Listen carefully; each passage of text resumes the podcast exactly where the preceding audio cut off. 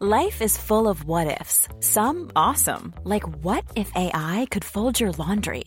And some, well, less awesome, like what if you have unexpected medical costs?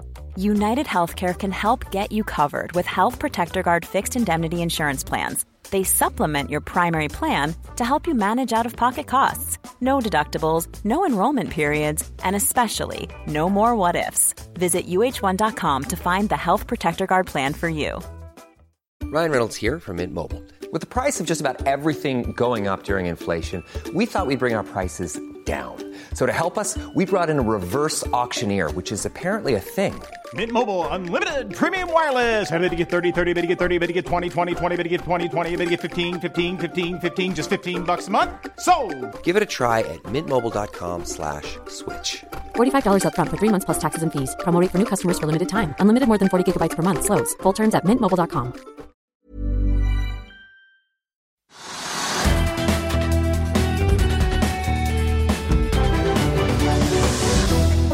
Økonominyhetene i dag onsdag. I dag har vi snakket med Håvard Nesheim, som er investeringsdirektør i Conceptor Invest, om Euronext Growth og hvor eh, risikabelt det er å investere i disse aksjene akkurat nå. Vi skal også få teknisk analyse av Tomra. I tillegg skal vi se nærmere på Oslo Børs, Europa, Asia og USA, og vi begynner med noen hovedpunkter fra Oslo Børs. Akkurat nå er Oslo Børs, eller hovedindeksen, eh, pluss minus null. Den var lenge nok lenge opp en halv prosent, men faller altså litt tilbake. Oljeprisen legger også på seg, et fat brentolje omsettes nå for 66 dollar fatet. Vi har to aksjer som går eks utbytte i dag. Det er DNB og Okeanes, og det forklarer også hvorfor de er å finne på dagens taperliste. Korrigert for utbytte er det nær sagt ingen endring i kursene. I tillegg vi oss, tar vi med oss at det er første handledag for Arctic Bioscience, som ble notert på Euronex Growth i dag. Ferske kvartalstall har vi også fått, en, fått fra en rekke selskaper, som bl.a. Acetec, Acceptor, Axis Geo Solutions, Bevi, Calera, Next Biometrics, Insure Insurance og Solon Eiendom, for å nevne noen. Blant dem vi ser størst utslag på, er det Insure, Insure Insurance, som legger på seg 12% mens Calera stiger 6 Dagens vinneraksje er Syvis, som nå melder om en kontrakt med Microsoft. Aksjen ble notert eh, til en kurs på 34,5 kroner før jul, og er i dag opp 19% til 50 kroner aksjen. På taperlisten topper Nordic Nanovector ned 15 Hightech Visions britiske oljeselskap Neo Energy blir blant de fem største olje- og gassprodusentene i Storbritannia etter at de kjøper en større portefølje av Exxon Mobiles olje- og gassaktivitet i Nordsjøen. Prisen ligger mellom 8 og 4 og 11 milliarder kroner. Vi har hatt et kraftig børsfall i grønne aksjer de siste dagene, Trygve, men i dag henter det seg noe inn. Hva kan man si om den volatiliteten man ser nå, og hvordan skal man forholde seg til den grønne sektoren? Det er litt skummelt, eh, for oppgangen har vært altfor sterk. Det har vi snakket om veldig mange ganger.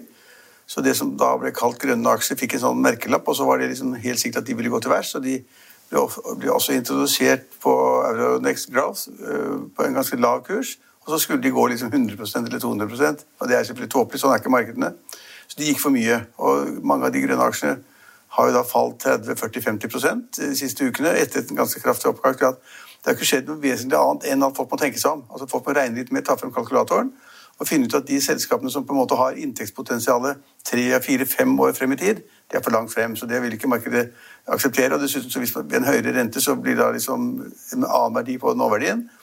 Eh, så, så markedet vil ikke akseptere det. Så det kan, du kan si at det har seg litt opp igjen i dag. Quantafuel og REC og ja, alle sammen er litt opp. og Nell var også opp 4-5% og så har det fått litt tilbake, men den er opp 2 så De aksjene vi har advart mot, særlig Nell, eh, fordi at uh, selskapet var veldig høyt priset, og de hadde liksom ingen inntekter, ikke noe overskudd, ingenting.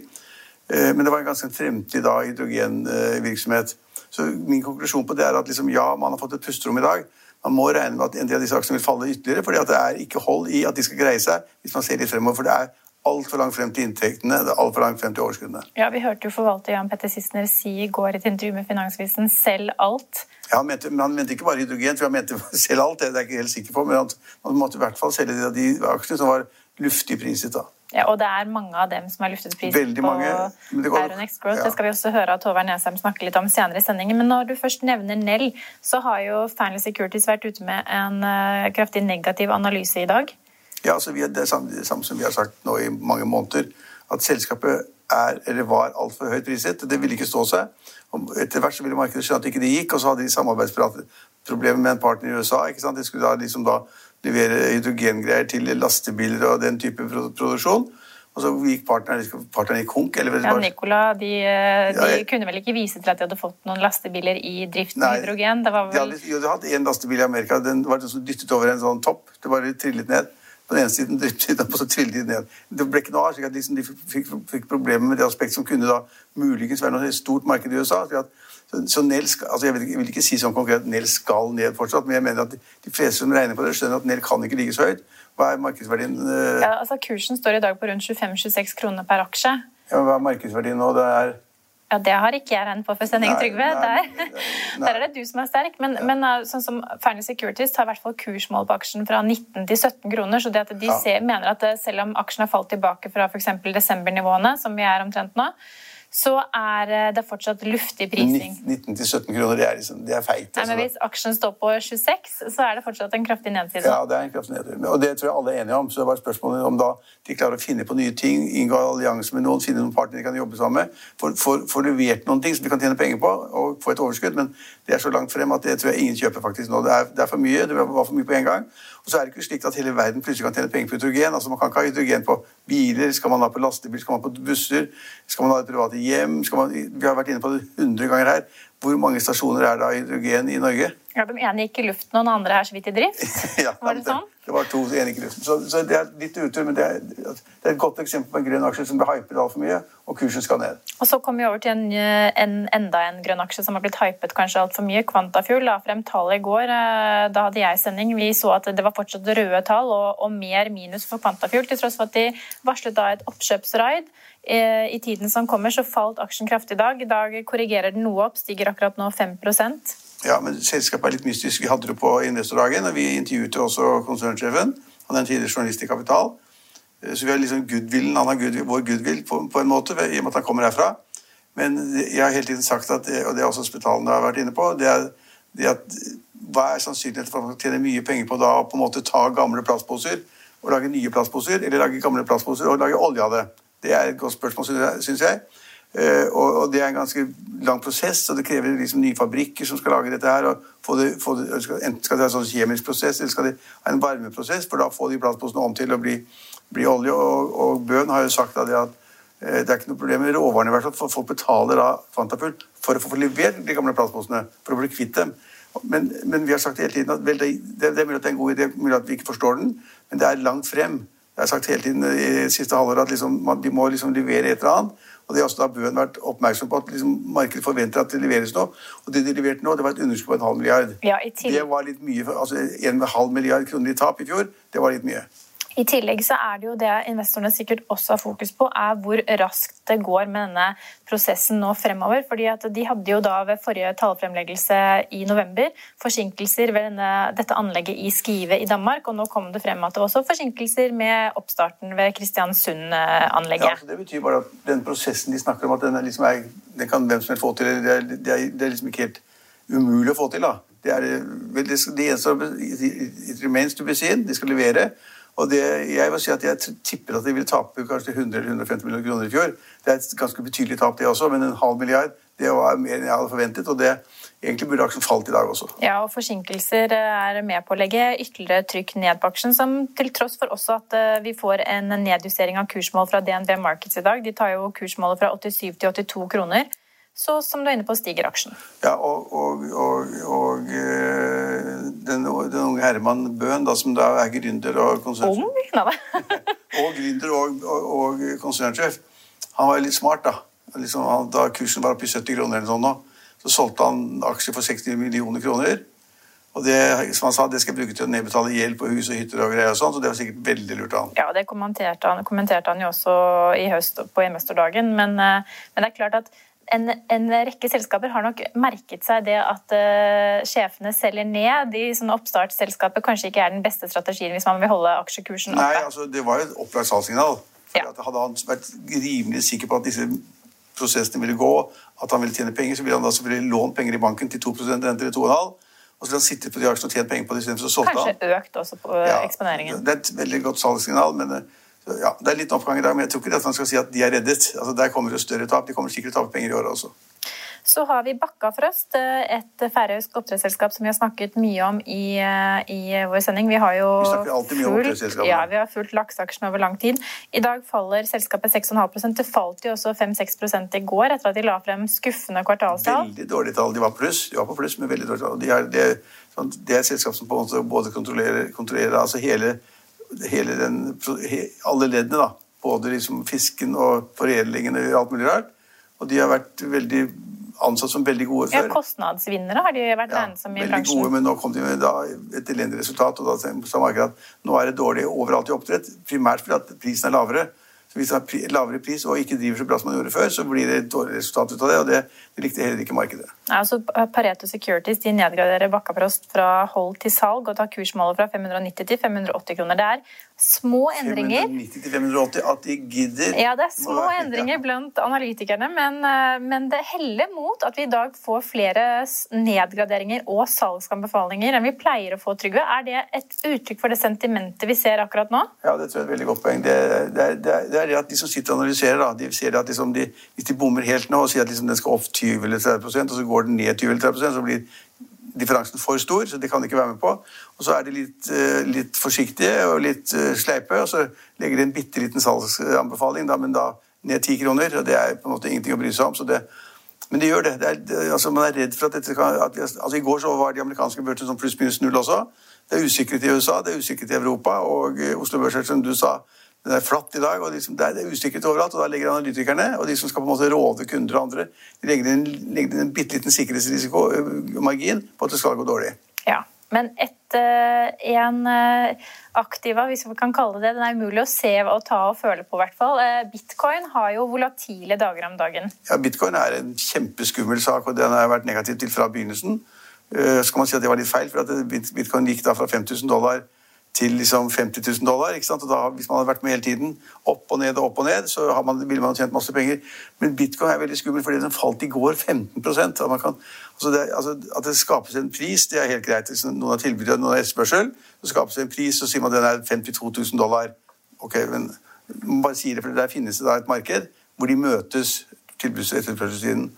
Men det er ikke noe i det. Det er ren luft. Det er, det er ingenting, det er ikke noe hold, det er ingenting annet enn at, det, at noen er villig til å betale en pris. Altså det, det, og det er, Når du bare har luft, så kan du sikre at hvis markedet blir litt usikkert, så faller det.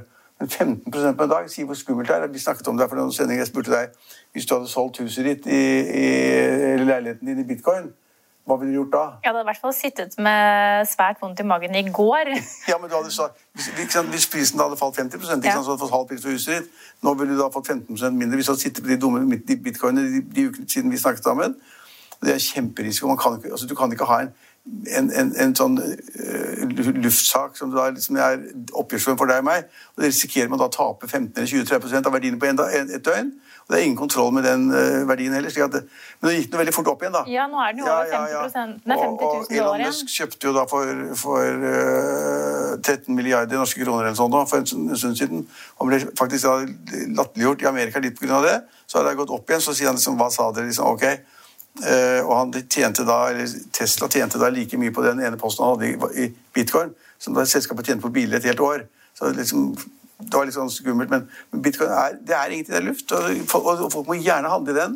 Men de vil også gjerne miste skjorta og buksene når det liksom da går ned. Og så kan de skryte på seg at de var smarte da de, da de gikk opp. Men poenget er det å handle luft. Det er skummelt. Ja, og så hørte vi også Bill Gates eh, Jeg vet ikke om han er fornærmet for at Elon Musk har passert han på denne Kanskje, verdens rikeste. Men han sa i hvert fall i går at dersom du ikke har like mye eller mer penger enn Elon Musk, så skal du ikke investere i bitcoin. Nei, men altså, Han er jo såpass fornuftig, han vet at det er kjempeskummelt. Det er jo altså, det tredje etter han som ikke er nå. Altså, du har gull, kan du gå tredje, Gullprisen er sånn, sånn, kanskje den også er litt kunstig. Det er tross alt Gull kan brukes i smykker, det kan brukes i industriell produksjon. Det er liksom et marked for gull, da, selv om gullprisen også varierer. Det er marked for sølv, og det er marked for aluminium, det er marked for olje osv. Men det er liksom altså, Det er alltid noe du kan bruke disse råvarene til en eller annen gang. Kaffe eller øh, lage stål eller hva det måtte være. Men bitcoin er det der. Det er en, sånn, en luft, og det er ingenting i det. Eh, og det er ingen, ingen garanti på hvordan liksom da hvordan det vil være i fremtiden. For det er ikke som i en bank, Norges Bank eller en vanlig privatbank, hvor det, liksom du, det du har av aktive poster, og så hvis du gir lån til noe, så må du ha en sikkerhet da på eh, sikkerhet. man vet at hvis når banken låner ut 100 milliarder eller 200 milliarder kroner, så vet alle det at banken har en viss kapital i banken, som på en måte skal være sikkerheten i banken overfor kunder og andre.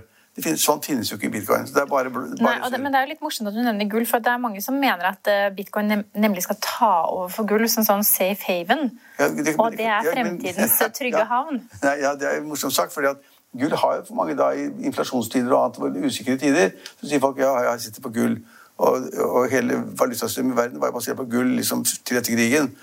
Eh, men, men, men, der er det altså et, en eller annen substans. Du kan si at den substansen den er kunstig, men det er noe folk er villige til å betale for. Og du kan gå og kjøpe noen smykker eller ringer eh, eh, i gull.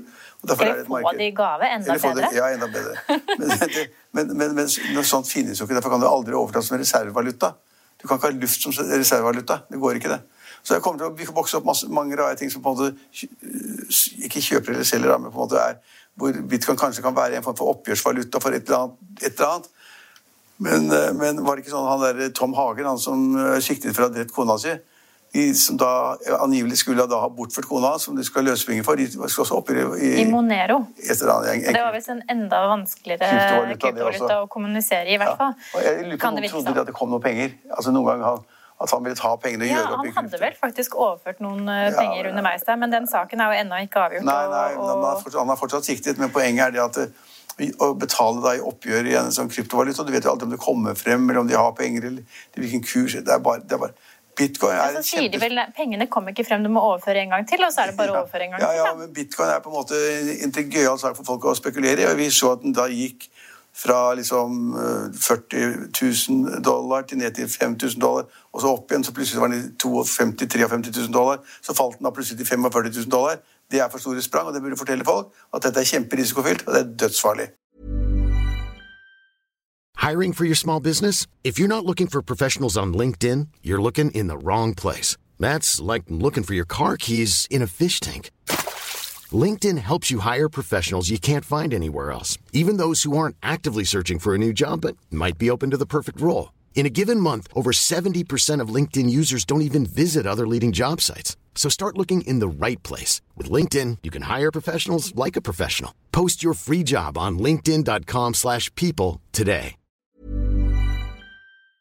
I'll see you in court.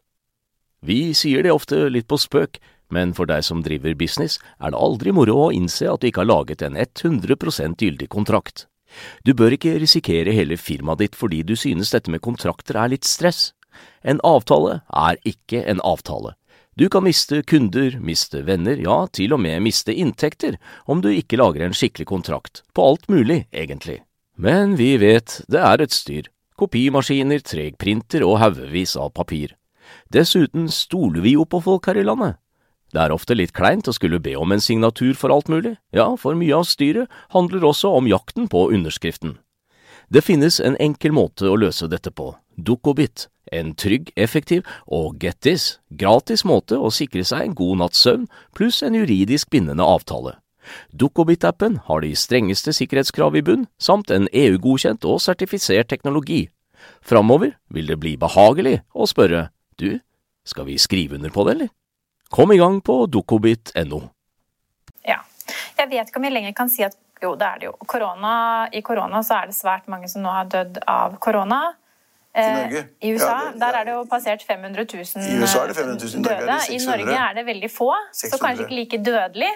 Men det vi ser, er at vi nå har en økende smittetrend for koronautbrudd i Norge. Og, eh, og så så jeg i dag at det diskuteres disse dosene igjen, Trygve. Og begynner ikke det å bli litt sånn kan de, altså For det første så vet vi nå Dosene? Vi får alle våre doser over. Ja, men Pfizer-dosene, der, der, der har jo Danmark og Finland lenge nå tatt ut syv doser av hvert glass hvor Norge bare har tatt ut seks doser. Og så er det sånn, Nå sier Bent Høie at nå kan vi kanskje prøve å ta ut syv doser likevel. Men med tanke på hvor tregt vaksineringen går her i Norge, i motsetning til f.eks. hva vi ser i Danmark, Israel, andre steder i Europa, Storbritannia, Storbritannia USA.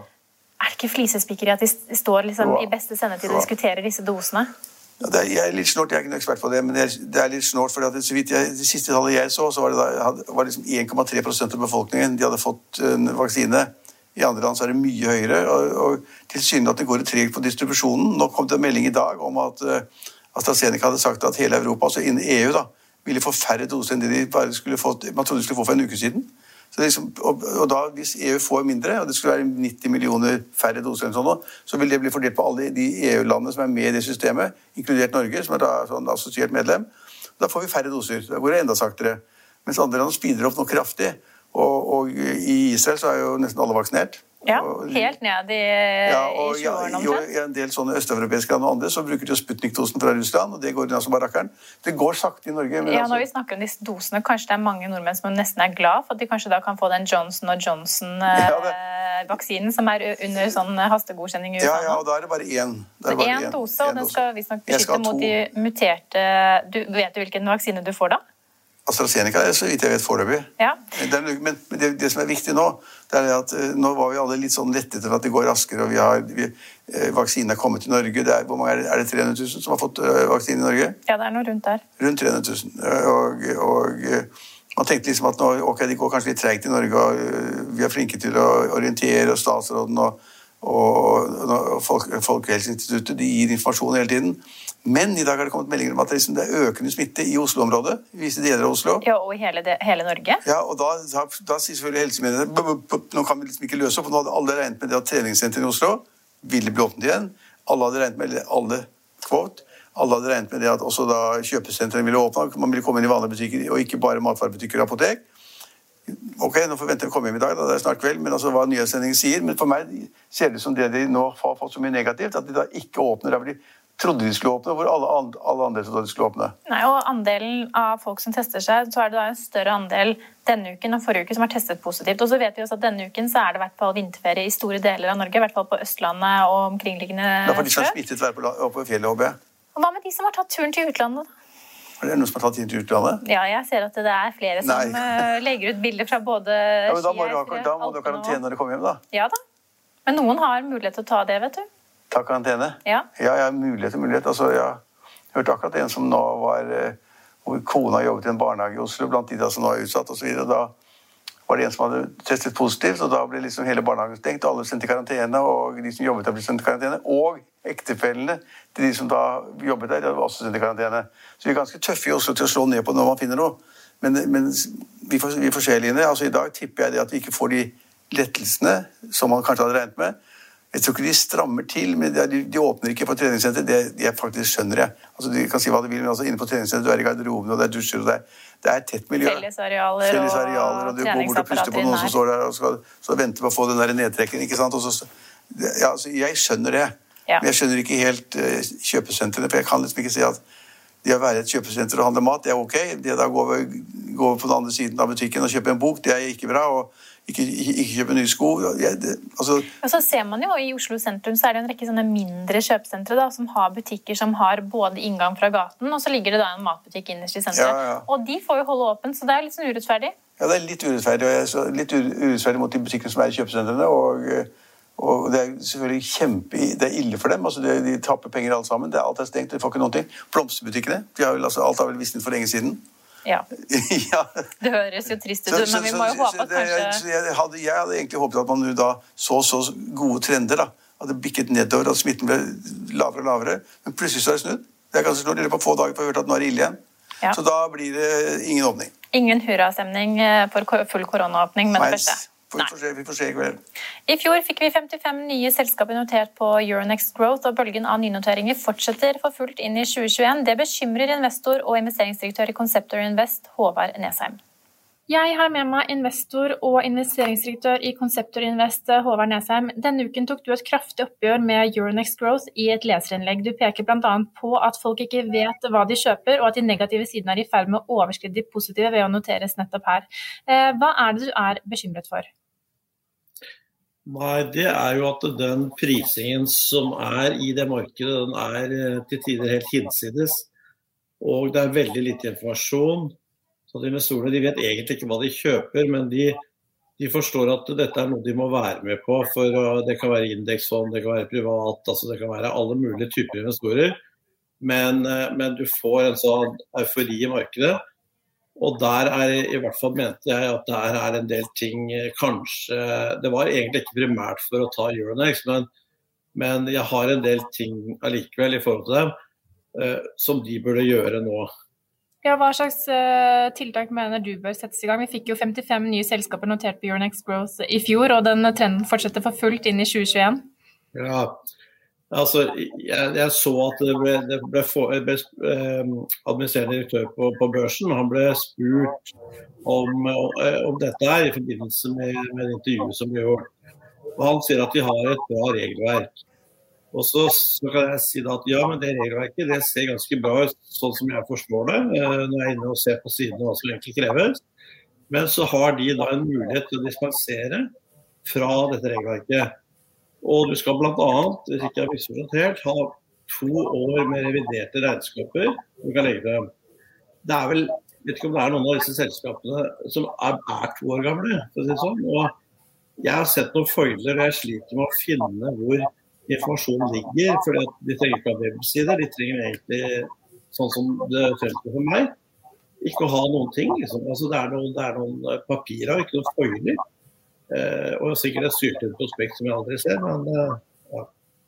Du peker også i leserinnlegget på at det virker som at eh, det å investere i disse selskapene som nå noteres på Euronex Growth, er veldig kortsiktig avkastning. Ja, altså det blir jo alltid altså sånn når du tror jeg tror på en måte nesten altså Ingen vet hva disse selskapene har vært.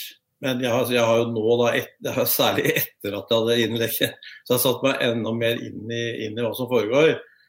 Og jeg må si at det, er, det, det jeg ser, er syltynt. Uh, og du har en del altså ledelse og kall hovedaksjonærer som uh, promoterer dette beinhardt og lover grønn og, gulle, uh, grønne skoger. Eh, men eh, eh, det blir jo også, men samtidig så selger de seg kraftig ned. Gjerne eller realiserer mye penger. ikke sant?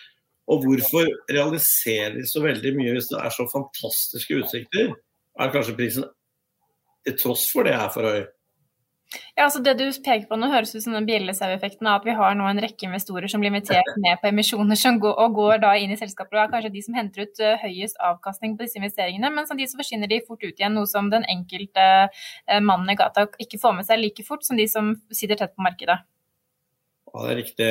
Jeg kan si at det, det jeg kjenner jo igjen fra 20 år tilbake. Uh, og du kjenner, altså Det er de samme trekkene som går igjen i en sånn type, et sånn type marked. Og at man klarer som eh, enkeltperson eller selskap å børsnotere fire, fem, seks, syv selskaper i løpet av noen måneder. Og bl.a. utfisjonere selskaper som igjen utfisjonerer selskaper. Hva var egentlig dette selskapet, morselskapet egentlig? Når du får fire selskaper ut av ett selskap eller fem. Altså, det blir veldig eh, det blir veldig uklart, og det er jo veldig lite krav, altså, som jeg opplever det, til dokumentasjon. Og det som og, altså, Jeg tror det er selvfølgelig mange små investorer som kommer til å tape på dette her. Eh, derfor så ønsker Mitt ønske var på en måte å fortelle at det er det som kommer til å skje. og så kan du si at Det kan de bry seg om og ikke bry seg om. Men det er i hvert fall én som har sagt noe. Fordi at eh, det er jo ingen av de store institusjonelle investorene for eksempel, som sier noe. De sier aldri noe når sånne type ting skjer. De sier oss imellom at de er negative og ting er helt feil, og sånt, men det er aldri noen som frem, står frem med noe for å liksom heve, liksom for å prøve å ivareta den kall det, vanlige investor, eller den som prøver å tjene noen penger på si. da. Vi så jo denne uken at eh, den grønne sektoren fikk seg en kraftig smell ned. Blant de 15-20 største aksjene som er grønne på Oslo Børs, eh, så er nedgangen mellom 10 og 50% fra toppen. Og vi hadde jo bl.a. forvalter Jan Petter Sissener som var ute i går og mente at man måtte selge alt. Eh, men det, mener du den type råd nå kommer for sent? Er det for mange som er investert i aksjer som trolig vil få en kraftig reprising? Nei, altså jeg tror ikke det er for sent du kan si eh, Robert Ness i, i Nordea, vel, altså han, han, sa jo i går, etter en 6% nedgang som han har funnet for Euronex sånn cirka, at når han fikk spørsmål om han ville gå inn og investere, så sa han det hadde vært en null, en null i tillegg på det sekstallet, så skulle jeg vurdert det. Så jeg tror jo overhodet ikke at dette er ferdig langt, langt ifra. Men hvis du sier at det minner at uh, han tror det, sin, at det, faller til det finner sitt nøytrale Nei, eh, liksom sitt rette punkt, så gjør jo ikke det. Det faller mye mer når det først faller. Bare for å, altså sånn at folk husker det. for at Eriksson, Nokia, de falt 98% under dotcom. Og det var jo det var et skikkelige selskaper. Her snakker vi om papirark i hvert fall. Ja, for dette var det jeg skulle frem til. Du, du, pekte på at eh, du så det samme for 20 år siden, så hva er det vi har i vente i verste fall nå? Nei, det jeg, La meg si sånn Ja, det er vanskelig. Altså, det spørs, vi må bare ikke la dette bli for stort. Sånn at, for Vi vet jo det at det er en dominoeffekt, ikke sant. Og så taper mange mye altså det, det er noen som er vinnerne, som alltid, som går ut med store gevinster. Og så har vi mange tapere som uh, selvfølgelig ville bli rike, og men det vil alle. Men ville lott og vi gjør ting og tar. Men ivareta de mindre investorene, slik at uh, det ikke Og det er også en viktig ting, at ikke det brer seg eller blir så stort at det går ut til bankene osv. etter hvert. For det, det, jeg hører nå er jo Vi, vi så jo den uh, en artikkel om at DNB måtte stoppe tilgangen eller tilførselen fra, fra investorer, eller fra alt som tok pågang. Og etter hva jeg har hørt, så er det mye rett og slett bedrifter som, som, som bruker sin arbeidskapital nå til å investere i aksjer. Og Hvis de gjør det og går på tap, ok, så går de over ende. Ja vel, så går leverandøren over ende, og så ja, bla, bla, bla. Ok, da får, tatene, da får i hvert fall bankene det i retur, for å si det sånn. Ja, så det, det er denne dominoeffekten av at vi ser at uh, ikke bare profesjonelle investorer, men også vanlige mann i gaten bruker nå penger og kanskje forbrukshjelp på å finansiere aksjer, uh, eller eventuelt bedrifter som finansierer aksjer, og, og, kan gå på store tap, som igjen kan påvirke bankene, som igjen påvirker hele økonomien. Er det slik å forstå?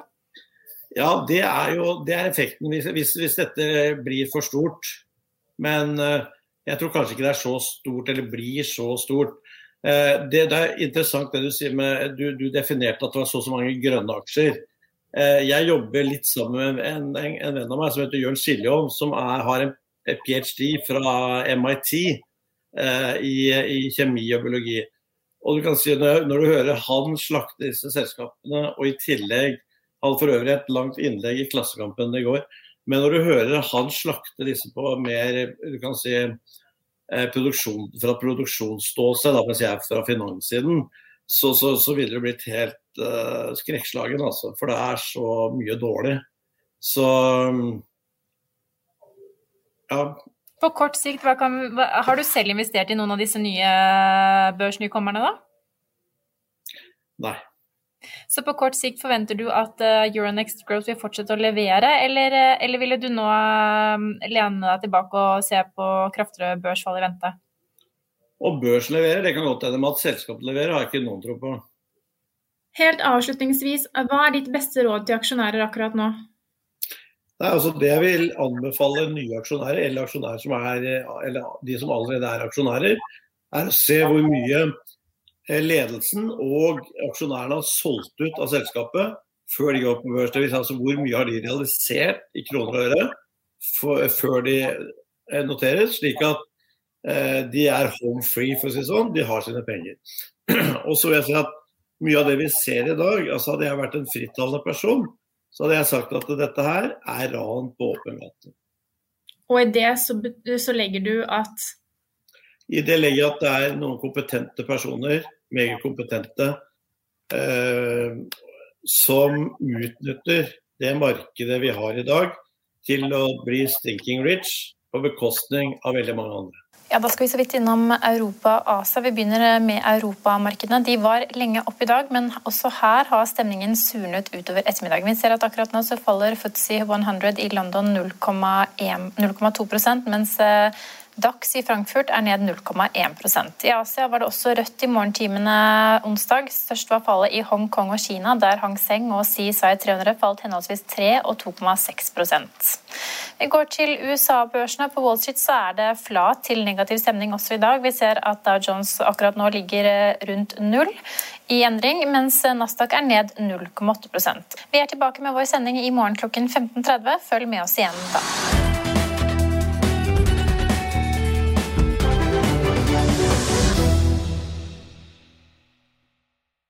Økonominyhetene er en podkast fra Finansavisen. Programledere er Marius Lorentzen, Stein Ove Haugen og Benedikte Storm Bamvik.